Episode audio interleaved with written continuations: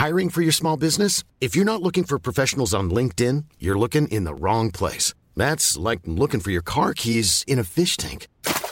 LinkedIn helps you hire professionals you can't find anywhere else, even those who aren't actively searching for a new job but might be open to the perfect role. In a given month, over 70% of LinkedIn users don't even visit other leading job sites. So start looking in the right place. With LinkedIn, you can hire professionals like a professional. Post your free job on linkedin.com slash people today. Millions of people have lost weight with personalized plans from Noom. Like Evan, who can't stand salads and still lost 50 pounds. Salads generally for most people are the easy button, right? For me, that wasn't an option. I never really was a salad guy. That's just not who I am. But Noom worked for me.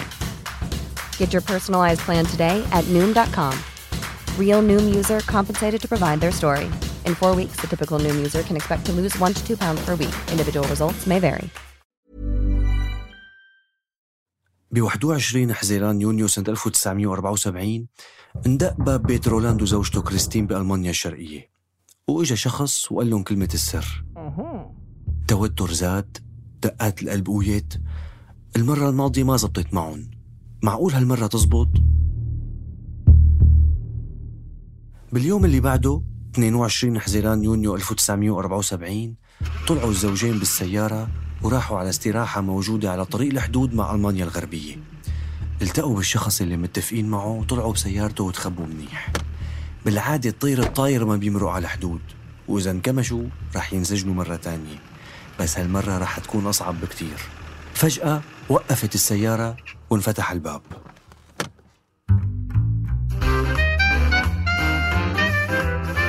شو رأيكم يا شباب؟ نسميه من بيت؟ لا بالمرة نسميه شجرة حبيبي؟ من بيت يا شباب. وين فكر حالك؟ قوة إلا بالله معك حق. مزبوط بس لا ليش حتى أنت يا شباب عم افتح؟ المعجم؟ آه، من بيت من مرادفات كلمة أصل. وإذا أخذنا على أصل الجذر اللغوي أهلين وسهلين ومرحبتين ببودكاست من بيت. من إنتاج صوت معي أنا بشر نجار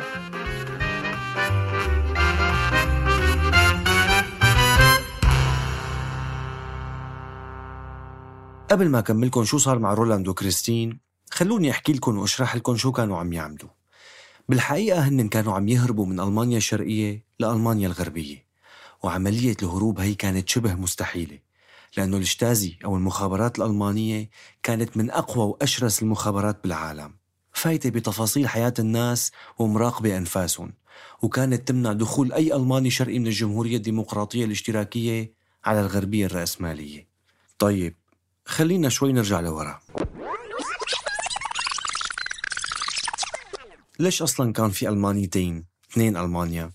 صديقتي المستمعة صديقي المستمع بعد نهاية الحرب العالمية الثانية وخسارة ألمانيا ودخول قوات الحلفاء لبرلين قعدوا زعماء القوات السوفيتية الأمريكية البريطانية الفرنسية قعدت ود ومحبة وتقاسموا ألمانيا على الخريطة أربع أقسام. كل قسم لبلد واحد بالشرق صار جمهورية اشتراكية صحبة مع الاتحاد السوفيتي وثلاثة الباقيين توحدوا وشكلوا جمهورية فيدرالية رأسمالية يعني مثل فرنسا أو بريطانيا صحبة مع الغرب يعني. وحتى برلين العاصمة تقسمت كمان لنصين. وبعد فترة بلش يبين إنه الحياة بالنص الشرقي عند الرفقاء الاشتراكيين مو كتير ظريفة. مخابرات آسية وسجون وأوضاع اقتصادية تعبانة وبالغرب الأمور أفضل وعم تتحسن وفيها حرية. قام صاروا هالناس من ألمانيا الشرقية يجوا على برلين ويفوتوا على الغربية بالآلاف؟ هلا هالحركة هي ما بخفيكم ما سرت السلطات الألمانية الشرقية. العمى كل الدارسين والشباب والكفاءات عم تروح على ألمانيا الغربية. ما بيمشي الحال هيك.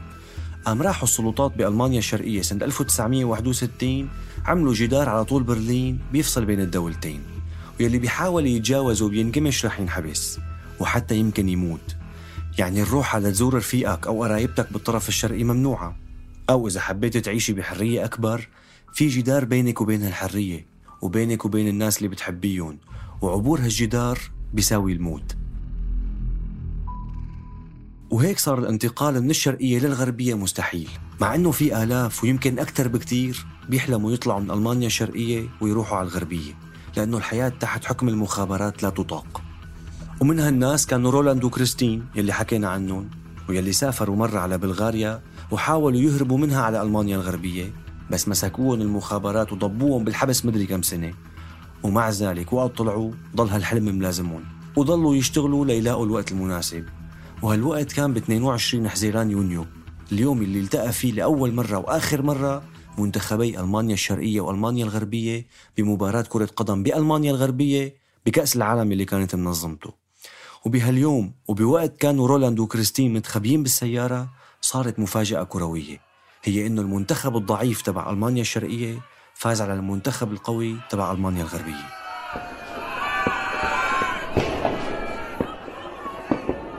وبضوجة الفرحة مرقت السيارة على الحدود بدون تفتيش كتير. وانفتح باب السيارة ولقوا حالهم بألمانيا الغربية بأمان وحرية.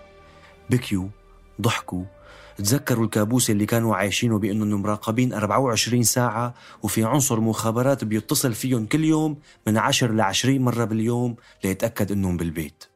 هيك كان الوضع بألمانيا الشرقية بالنسبة لكثير من سكانها وكانوا حاسين أنه رح يضل هيك للأبد ما رح يتحسن الوضع. والشتازي أو المخابرات الألمانية رح تضل غيمة سودا فوق راسهم وين ما راحوا. والحكومة ومن وراها الاتحاد السوفيتي مستحيل يخلوهم يتنفسوا. بس سنة 1985 في شيء تغير. ميخائيل غورباتشوف صار الزعيم الجديد للاتحاد السوفيتي. رجل بالخمسينات يعني صغير بالعمر بالنسبة للي قبله منفتح أكثر ومركز مع الاتحاد السوفيتي أكثر من الدول اللي بتتبع له بشكل غير مباشر بالكتلة الاشتراكية مثل تشيك وبولندا وهنغاريا وغيرهم وأكيد طبعا كمان ألمانيا الشرقية. اشتغل على تحسين العلاقات مع أمريكا والغرب وإنهاء الحرب الباردة. ولمح بشكل مباشر وغير مباشر أنه ما راح يتدخل بالدول المجاورة إذا حبت تعمل تعددية سياسية وتغير شكل الحكم.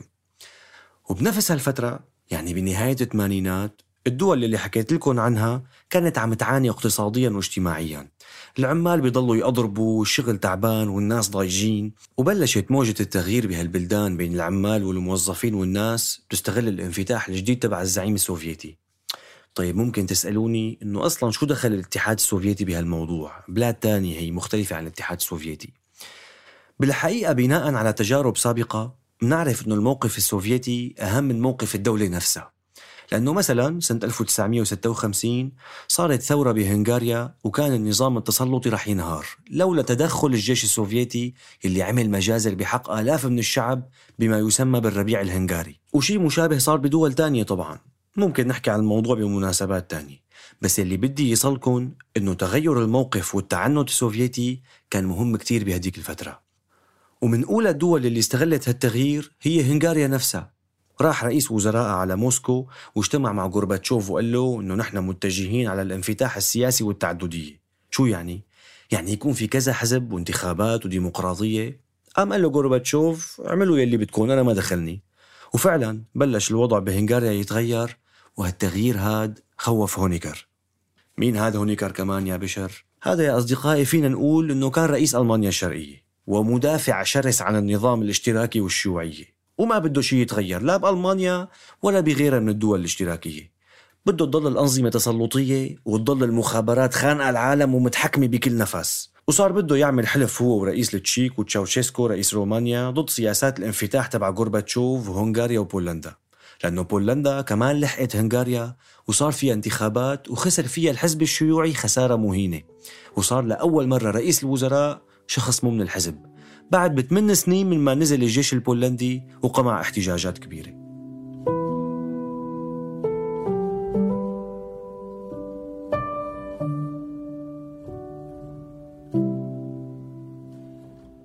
كمان ممكن تسألوا حالكم هلا إنه هالأفكار القمعية والأوضاع المتردية كانت حكر على الدول الشيوعية؟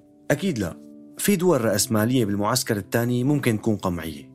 بس عموما شكل النظام الرأسمالي لما يكون في سوق حر ومنافسة واقتصاد مفتوح وأحزاب متعددة وبرلمان فاعل بيخلي القمع والشمولية وكبس وكبت نفس الشعب يكون أصعب. طبعا هذا ما بيعني أنه الأنظمة الرأسمالية ما عندها وسائل تهلك المواطن فيها. ممكن تكون شرسة وقمعية بس بشكل مختلف. ولما عم نحكي عن أوروبا الشرقية والغربية بهديك الفترة فالفرق هو أنه الشرقية كانت عم تنهار اقتصاديا وسياسيا والغربية كانت مزدهرة نوعا ما اقتصاديا وسياسيا. المهم مالنا بالطويل. إجت الصيفية تبع سنة 1989 والألمان الشرقيين اختاروا هنغاريا بالذات ليصيفوا فيها مشان يشموا ريحة الحرية الجديدة هنيك. راحوا بعشرات الآلاف. طبعا أنت كمواطنة من ألمانيا الشرقية حكومتك ما بتسمح لك تروحي وين ما بدك. لازم تروحي على دولة صديقة.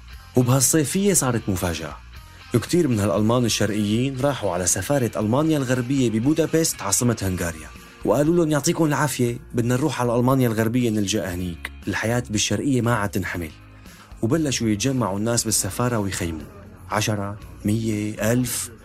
وصل وزير خارجية ألمانيا الغربية على هنغاريا واتفق مع الحكومة أنه يسمحوا لهالناس تجي على ألمانيا الغربية وهي بتساعد هنغاريا اقتصاديا. بس بعد هالحادثة تنبهت ألمانيا الشرقية للموضوع ومنعت السفر لهنغاريا على مواطنيها. قام الناس راحوا بعشرات الآلاف على تشيك ومباشرة على سفارة ألمانيا الغربية بالعاصمة براغ. عبوا بناء السفارة. بعدين من كتر مكتار صاروا يخيموا بجنينة السفارة. والشرطة حاولت تصعب الموضوع عليهم بس كانت الأمور فلتت وصارت أكبر من أنه يتم تطويقها. والكاميرات عم تصور والمذيعين يسألوا الناس. آلاف اللاجئين الألمان قاعدين بالسفارة تاركين كل شيء وراهم وعم يدوروا على مستقبل أفضل لأولادهم. قاعدين بمخيمات من الصليب الأحمر هن وعيالهم وعم يأكلوا مساعدات ويستنوا الفرج. كل هالعذاب بس مشان ما يرجعوا على كابوس العيشة ببلدهم. ألمانيا الشرقية.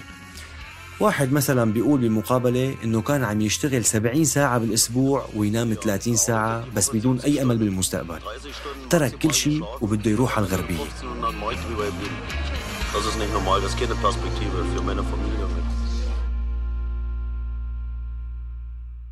طيب ليش يا بشر الهنغاريين والتشيكيين ما عملوا نفس الشيء؟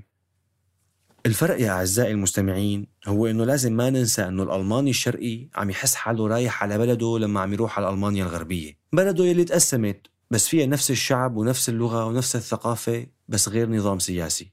وهالنظام السياسي أفضل من عدة نواحي بغض النظر رأسمالي ولا شيوعي. الناس بس بدها تعيش بلا وجود شبح الشتازي والمخابرات ورا ظهرها.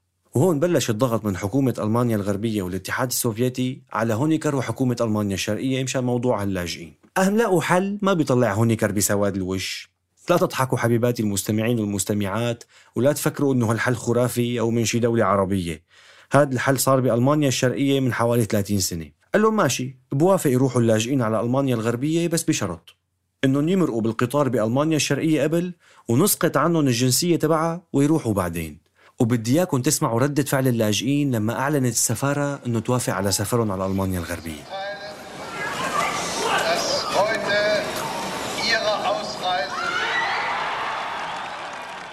دموع وعناق ومشاعر فرح وأمل وسعادة. الحرية شو غالية أحبائي المستمعين؟ ما علينا. وفعلا مرق القطار اللي جاي من تشيك ووقف بألمانيا الشرقية وطلعت الشرطة قالت لهم سلمونا هوياتكم قام رمت العالم الهويات على الأرض.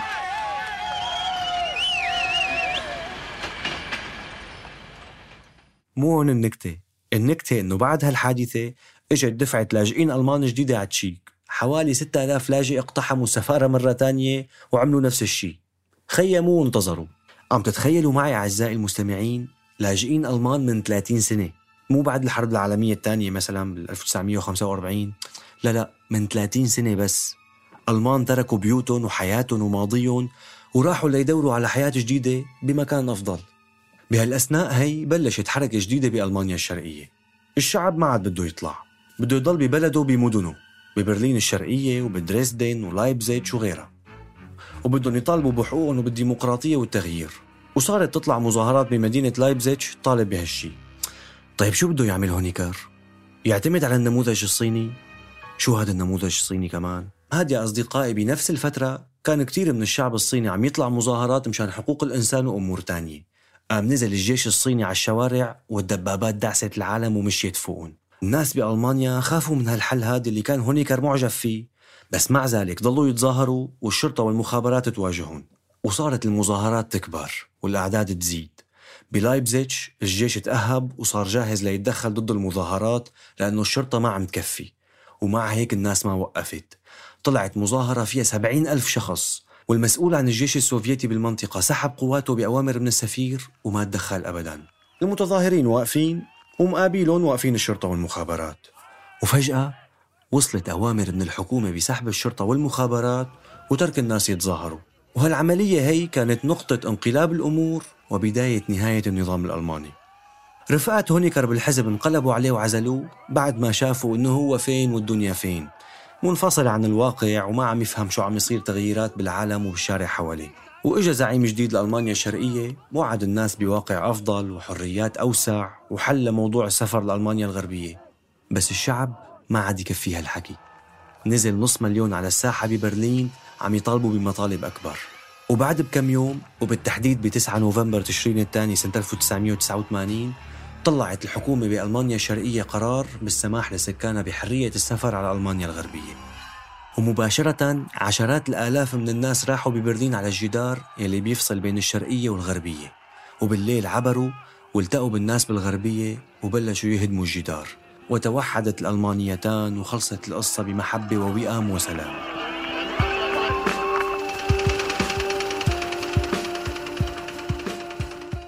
بس قبل ما تروحوا معلش كم كلمة صغار خفاف نضاف ليش رموا الألمان هوياتهم على الأرض بالقطار؟ وليش تركوا بلدهم ولجأوا وناموا بالخيام مع أنهم ألمان؟ لما تحاصروا واختنقوا وصارت الحياة ببلدهم لا تطاق حملوا حالهم ومشيوا أكيد في أصوات خونتهم هونيكر مثلا قال هدول مجموعة من المنبوذين ما بيستاهلوا جنسية ألمانيا الشرقية بس وينه هونيكر هلأ؟ مات بالمنفى بتشيلي والشعب الألماني هو يلي عاش وتوحد وصار من أهم وأغنى وأفضل الدول بالعالم. يعني باختصار إذا كنت لاجئ أو بتعرف لاجئ وسمعت حدا عم يعيره ويقلل منه ويحسسه أنه وصف لاجئ هو عار وأنه اللاجئ أقل من غيره من بني البشر قل له أنه بحثا عن حياة أفضل وعن الحرية في ألمان لجأوا من 30 سنة.